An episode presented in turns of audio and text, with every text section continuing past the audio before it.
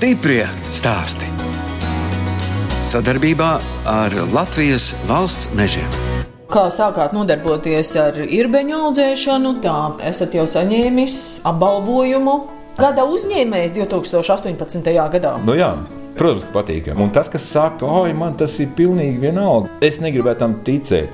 Savā laikā sportoju. Tajā laikā arī bija diezgan reta reize, kad es nebiju uz apbalvojumu piedstāvā. Sevišķi, ja tu esi uz augstākā pakāpiena, un tad, kad tev tur zin, aplaudē, tad, nu, protams, tur tā lieta, ka pierod. Bet varbūt tas sportiskais gars jums arī palīdz šajā Noteikti, biznesā. noteikti, jo tā, kad es to sāku, par Neviens neticēja, Ne, vai ne? pilnīgi neviens neticēja. Tā stāsta Māris Šermuks no Zemgales mazpilsētas Auces. Es, žurnāliste Daina Zalamane, šoreiz ciemojos pie uzņēmēja, kas pirms septiņiem gadiem sāka audzēt irbenes un izveidoja uzņēmumu Best Berry tulkojumā labākā oga.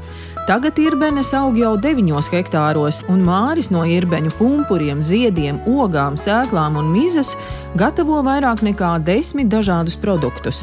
Kā saka pats Māris, viņš audzē ir dzimis un audzis, un nekad nav gribējis dzīvot kaut kur citur. Mamma bija kaut kas rītāls, agronoma, un uh, tēvs melnrācijā strādāja. Tā kā tā vasara jau pagāja, tu nevari tā nu, šausmīgi bumbulēt, bet tas bija tāds prestižs. Tad jau arī bija tā, ja tu pa to vasaru strādāji, tad tā organizācija tev atmaksāja pusdienas skolā. Tas arī bija tāds ļoti labi, kad par to savu darbu algu varēja nopirkt to, ko tu it kā kāroji, ja, un tev neviens nevarēja iebilst. Ko tu pirkāt? Pa pirmo naudu nopirkt fotoaparātu. Fotografēt patīk joprojām. Laikam nē.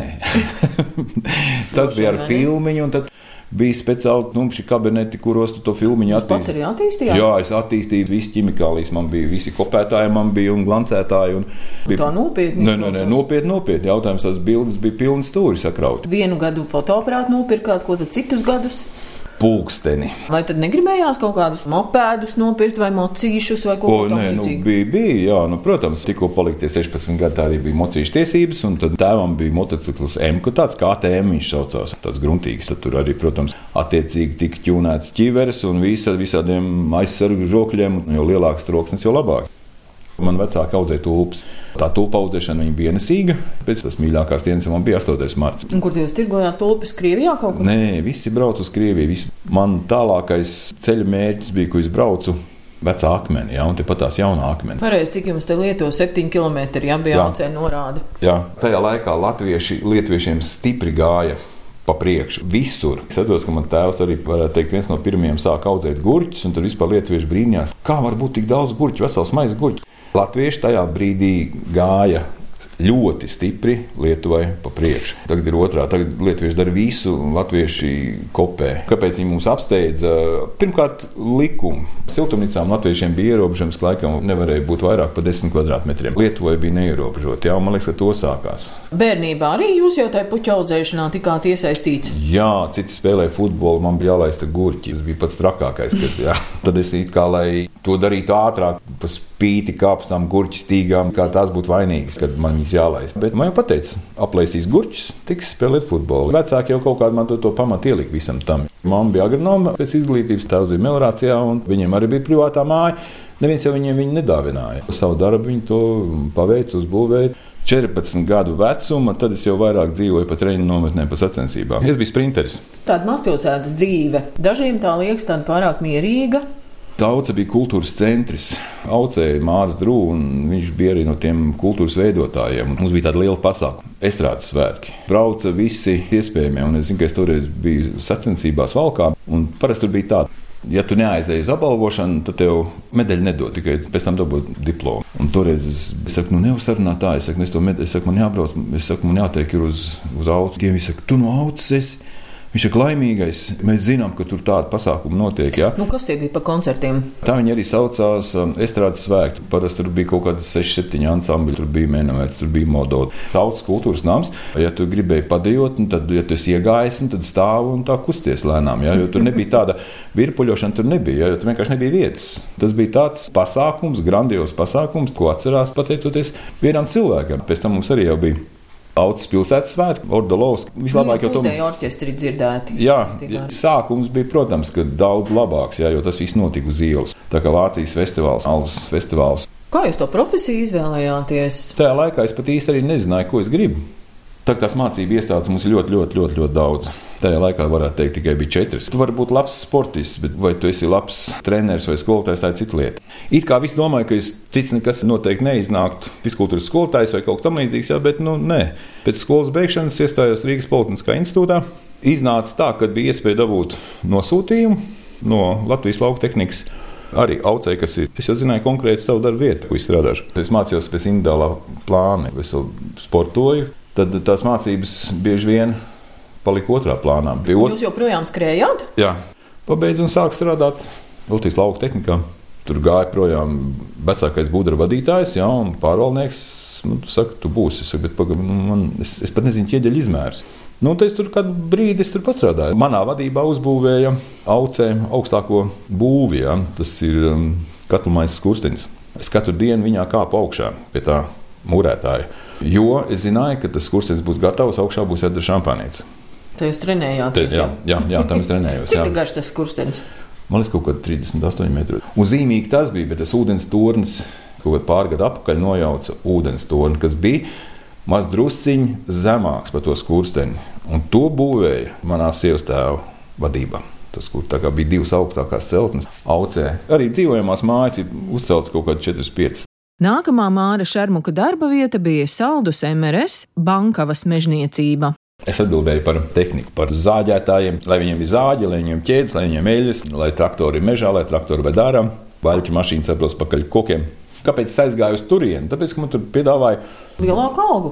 Nē, alga bija stipri mazāka, bet man tur piedāvāja brīvību. Protams, man bija jābūt darbā, jā, bet es to varēju apvienot. Kur tu brauc uz mežu? Īsnībā es pārbraucu mājā un pakaplēju bišķi kartupeļus. Es neesmu kabineta cilvēks, un man nav no līdz bieži vien šeit mājās, teiksim, cehā, kur man notiek ražošana. Es varu visu dienu, es būtu kaut kur, beigās izdomāju, ka es pusastoņos iešu un sākšu kaut ko darīt. Man personīgi patīk, teiksim, tā, nu, kad es viņu varu darīt tajā brīdī, kurā es gribu.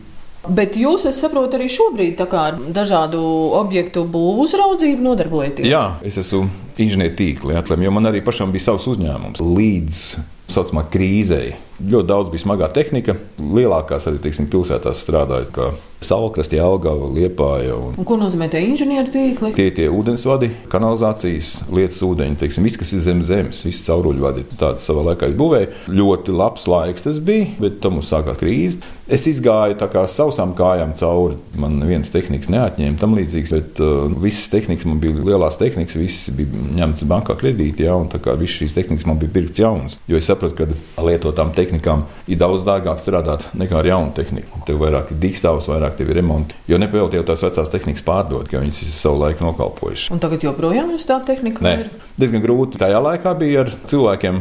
Visi grib saņemt lielu naudu, bet ne visi grib šo naudu nopelnīt. Mēs to darbu izdarām ļoti pavirši, pēc tam tev tas darbs ir jāpārtaisa. Viņam liek pārtaisīt, viņš jau es vēl to netaisīšu. Ja tu saki, nē, ka es tev par to nemaksāšu, nu, tad es eju projām. Ja, tad rodas pats. Tas ir jautājums, vai es to gribu atkārtot. Droši vien, ka nē. Stiprie stāsti.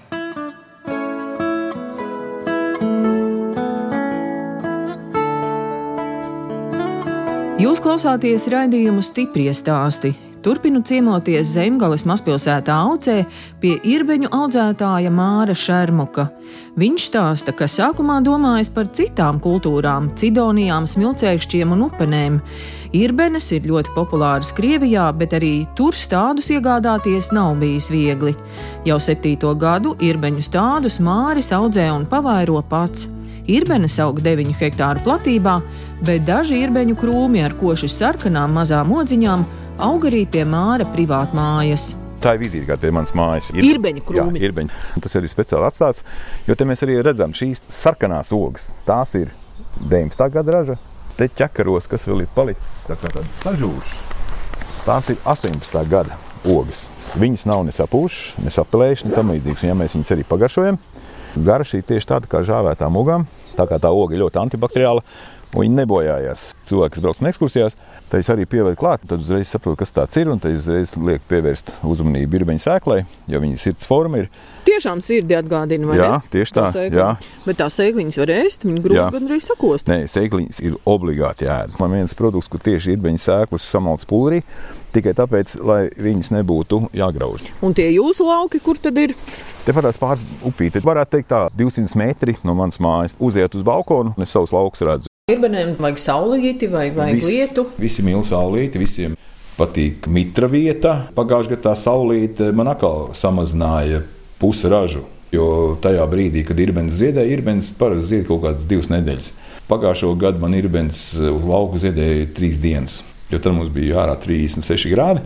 Visi zied nodega. Vienkārši palika brūna mēlis. Protams, te jau bija uzreiz tādi gudrinieki, jo man visi tie stādījumi ir upīts malā. Un tad, nu, kā nu laistīt, vai to visu var darīt, jā, bet mēs jau laistām saknes, un ja man tagad vajadzētu to krūmu sākt laistīt, tad es tā kā pirktu uztaisīt jautājums, vai tas būtu labāk vai sliktāk. Es domāju, ka daba regulē pielāgosies, ja mūsu laika apstākļi kļūs siltāki, nu, tad ir arī pielāgosies. Vienu gadu man jaunos stādījumus, un varētu teikt, arī gandrīz visu ražu noiet stirnas. Žoga nav apkārt.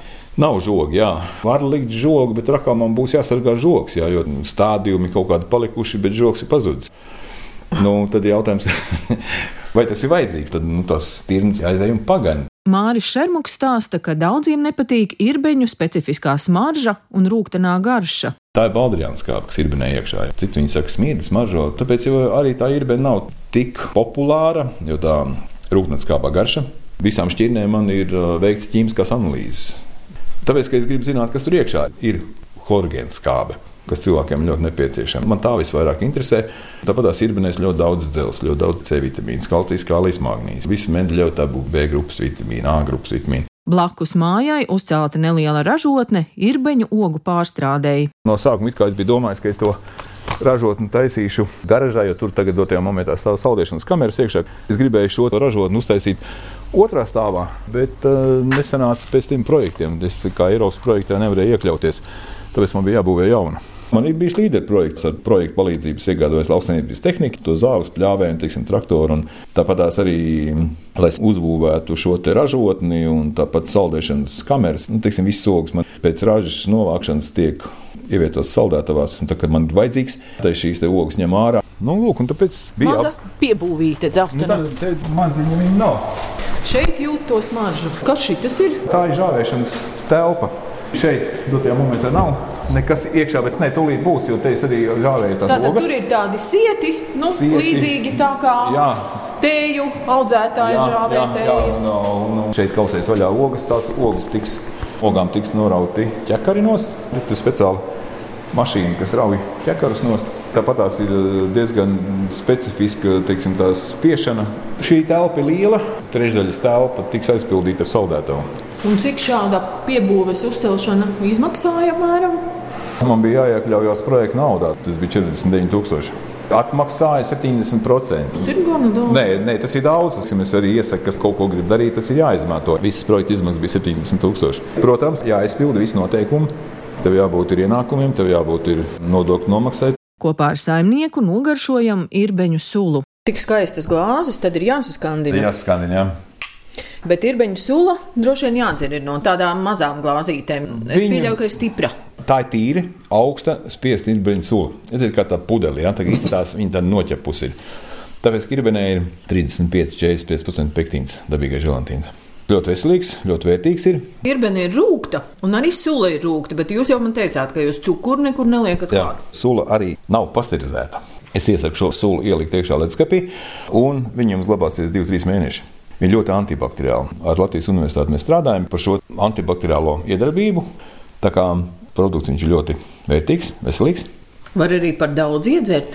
Valmērā uzņēmēja dienās man pienāca viena sieviete klāt. Tur bija divu dienu pasākums. Viņa saka, "A, kas man tagad būs, jo es visu pudeli vakarā izdzēru. Viņa saka, man tā viņa garšo, es netiku vaļā. Nu, teicu, viņai, Nu, kā prasījās, vai? Jā, prasījās, un es teicu, nu, ja jūs esat atnākusi, jā, nācīm dot, nekas nebūs. Vairāk par tādu 100 gramu viņi nevajadzētu tomēr. Viņi ļoti koncentrēti, bet ja cilvēkam viņi garšo, ja mēs sataisām ar medu, tā kā krievu dziednieku un krievu internetā rakstīts, te viņš ir brīnum līdzeklis. Bet pēc idejas droši vien varētu arī pašķēdīt mazliet ar ūdeni. Viņu jā? var, šeit man uz etiķetes ir parādīts, ka uh, viņi var, teiksim, šķēdīt no 1 līdz 10 Māri, un jums jau te ir gandrīz vesela izstāde. Teicāt, pats Gandrīz. ir dažādi produkti. Man ir viens produkts, kur man rakstīts virsū krambarka, jo Amerika eh, un Kanāda pazīst kā krampi mizas krūmu. Pret krampiem. Jā, tāpēc ir viņa mizā ļoti daudz magnītu. Mizai ļoti rūkt, ļoti, ļoti, ļoti rūkt. Mēs varam arī tēju. Tiem cilvēkiem, kam šāds rūkums nepatīk, ir beņu miza tiek savalkta pulverī un ir kapsulās sapildīta. Kapsulas ir dārzeņu kapsulas, tā kā viņas var lietot gan vegāni, gan veģetārieši. Šo visu kapsulēšanu es daru pats. No īrbeņa mīzes ir taisīts īrbeņa mīzes ekstrakts. Tas ir uzturbagātinātājs, tas ir pēc franču zinātnieku receptes taisīts.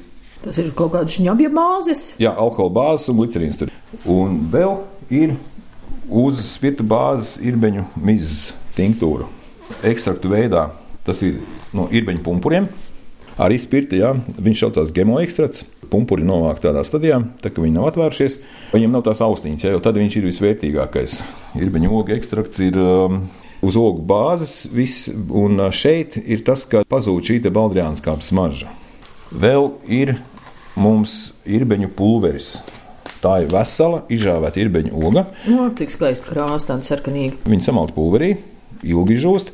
Visa oga ar visu sēklu samalta. Nu, kā tādu pulveri var lietot? Pulveri mēs varam lietot uh, gan jogurtos, gan putrās, gan smūtijās. Pilnīgi pie visiem, pie zivīm, pie gaļām, pie saknēm. Pilnīgi jebkur. Tiem, kam nepatīk šī ir smarža, jā, man arī viens, viņš teica, nu jā, ja tev šāds te pulveris būtu kapsulās, viņš saka, nu es būtu pirmais, kas viņus lieto. Tam cilvēkam paldies pīdēji, jā, un tāpēc man arī šis ir beņu pulveris ir kapsulās. Jā, un šeit bija viena no pirmajiem produktiem, arī tāpēc šeit rakstīts krambarga berijas, jā, tas krampi mizas ogas. Es jums varu pielikt, ja vēlties. Nu, zina, stipra. Nu, ja es sāku just pārāk daudz laba, nevajag. Pārāk daudz labi nevajag, jā. Jau drusciņi cērtās lūpās. Ir beņu sēkla eļļa. Pudelīties ar pipeti. Jā, ar pipeti pilināms. Vienā pudelītē ir simtprocentīgi eļļa.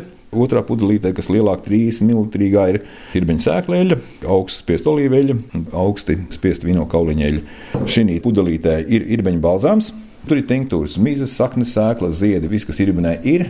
Un vēl vienā burciņā ir irbeņa pulveris ar medu. Tā viņš arī saucās irbeņa medu. Nu, te jums palīdzēja zinātnieki izstrādāt šos produktus. Jā, vairāk sēžu Kaunas Tehnoloģisko institūtu. Es viņiem pametu ideju, un tad man uzreiz viņi tur saka, jā vai nē. Tā ir vienīgā vieta, kur es varu izspiest no sēklām, ir viņa sēklām eļļu. Tas laboratorijas variantā ar to profesoru, ko es strādāju, nu, mums jau ir ilgadīga sadarbība. Es pie viņiem varu to izdarīt. Citur tādas iekārtas pagaidām nav. Es tā lasīju, ka jūs ar Latvijas Universitāti un Latvijas Lauksaimniecības Universitāti arī sadarbojaties. Jā, jā Latvijas Universitātē man tagad dotajā momentā veids analīzes pāris produktiem, kas būs. Māri, bet vai tādam mazam mairažotājam tas nav pārāk liels darbs? Te varētu būt rūpnīca ar kaut kādu zinātnieku, pētnieku sadaļu, kas pie šī visa strādā. Jā, protams, tas ir daudz vieglāk izspiest sulu, pielikt klāt cukuru. Man ļoti daudz cilvēku prasa, nu, ka viņi gribētu cukuru sīrupu. Nu, es viņiem saku, piejauciet īrbeņu sulai klāt cukuru, būs cukuru sīrups. Jo es neražošu sīrupu. Kā jūs stāstījāt, mīzes, saknes, ziedi, pumpuri, visu līdz pēdējiem. Jā, pilnīgi visu līdz pēdējiem. Jā, jo ir vēl produkti, kas ir tapšanas stadijā. Kur Stāstīt, jums tās idejas rodās? laikam no turienes. No debesīm, jā? Droši vien. Jo to visu izdomā, te ir tomēr tāds iepakojums un tāds iepakojums, un pudelīte un kastīte. Tam laikam jāpatīk. Es eh, ļoti padziļināti to visu izdaru, jo nu, es esmu tāds iesācējs teiksim, šī jomā, jo nav arī kam īsti paprasīt, kā to labāk darīt. Stiprie stāsti.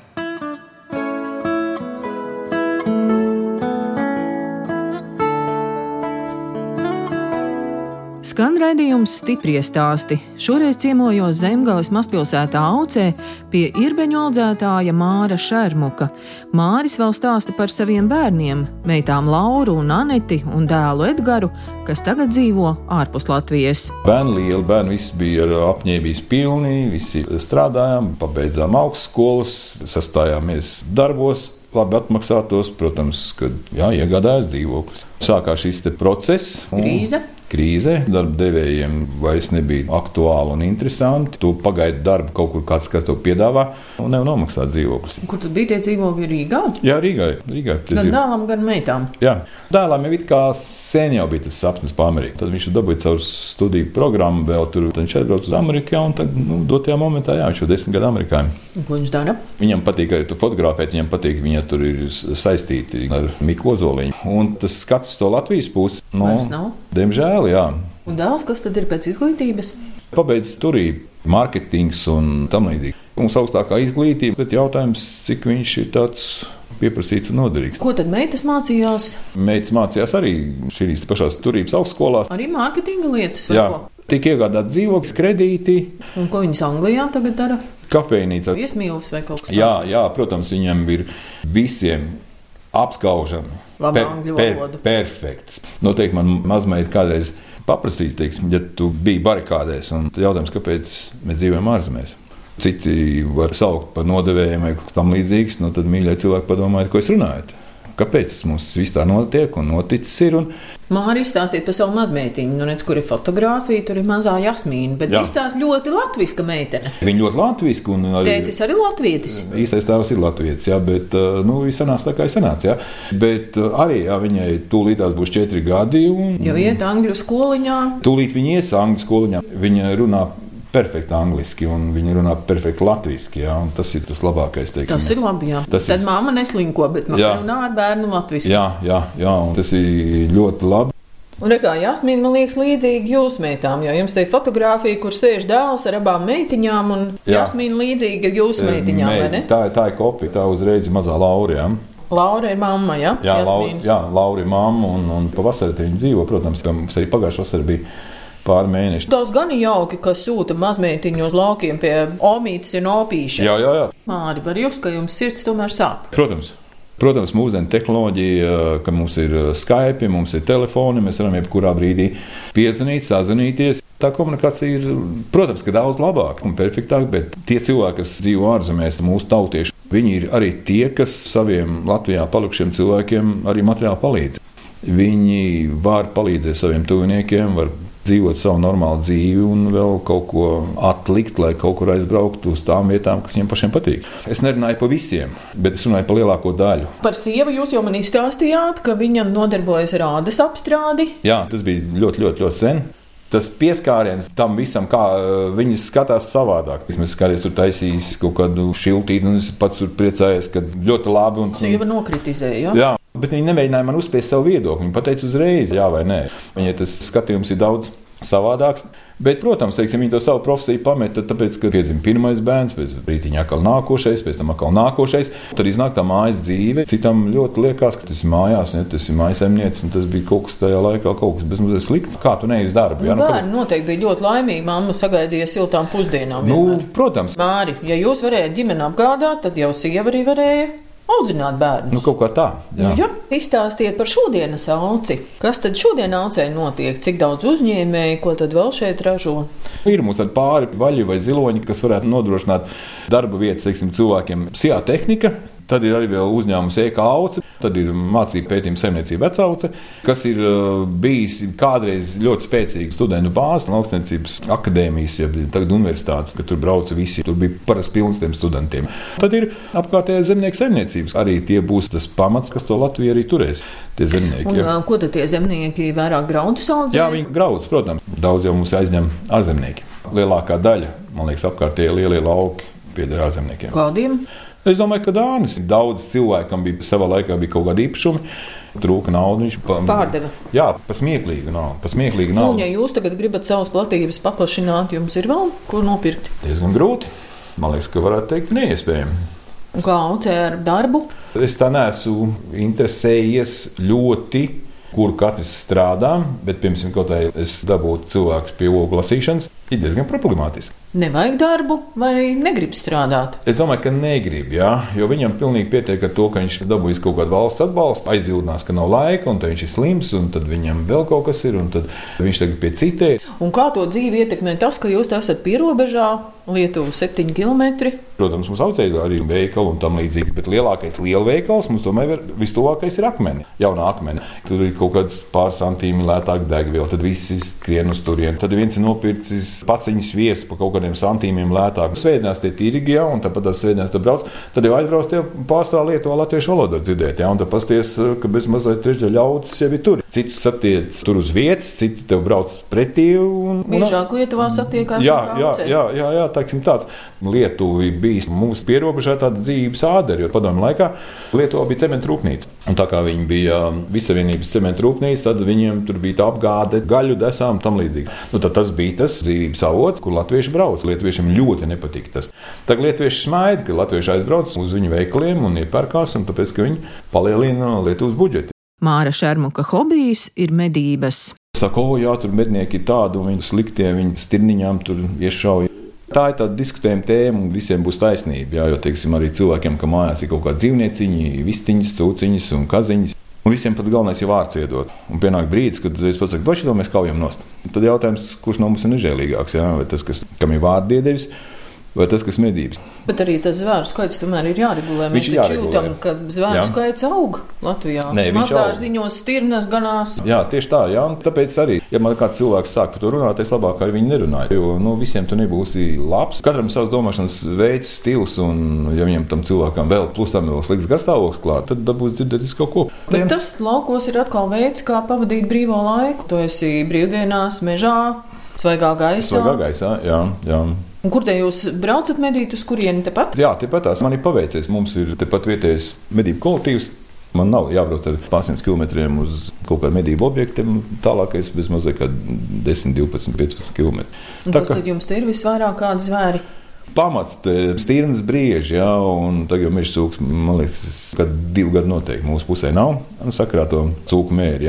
Protams, kā zemniekiem, nu, vispār meža zvēri dara ļoti liels postījums. Tā kā tos laukus novērt pilnīgi plikus. Arī aļņi ir, bet mums nav licences, tāpēc tā aļņa populācija mūsu teritorijās nav tik liela, tāpēc mums arī nav nomedījumu dzīvnieku. Tad lūšu pēdas ir redzētas, teiksim, vilku pēdas. Arī dzīvojās es redzēju, teiksim, gan vilkus, gan lūšus. Māri, kad jūs Rīgas Politehniskajā institūtā studējāt par inženieri, Vai jūs varētu iedomāties kādreiz dzīvē, ka jūs audzēsiet irbenes un taisīsiet no irbenēm 11 dažādus produktus? Noteikti nē.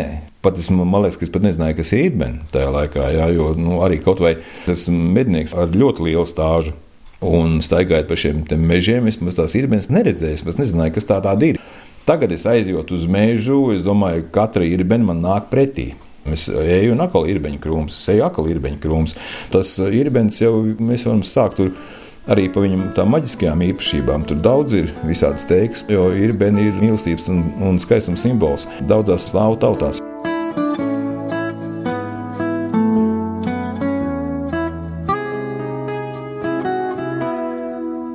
Radījums stipri stāsti izskan, un es atvados no auces uzņēmēja Māra Šermuka, kas izveidojas uzņēmumu Bestberry un jau septiņus gadus audzē irbeņu krūmus, un no irbeņu pumpuriem, ziediem, ogām, sēklām un mīzes gatavo visdažādākos produktus. Māris Šermuks ir vienīgais Latvijā, kas irbenes audzē tik lielā platībā - 9 hektāros. No jums atvedā žurnāliste Dāna Zalamane un operātore Inga Bēdele, lai tiktos atkal tieši pēc nedēļas.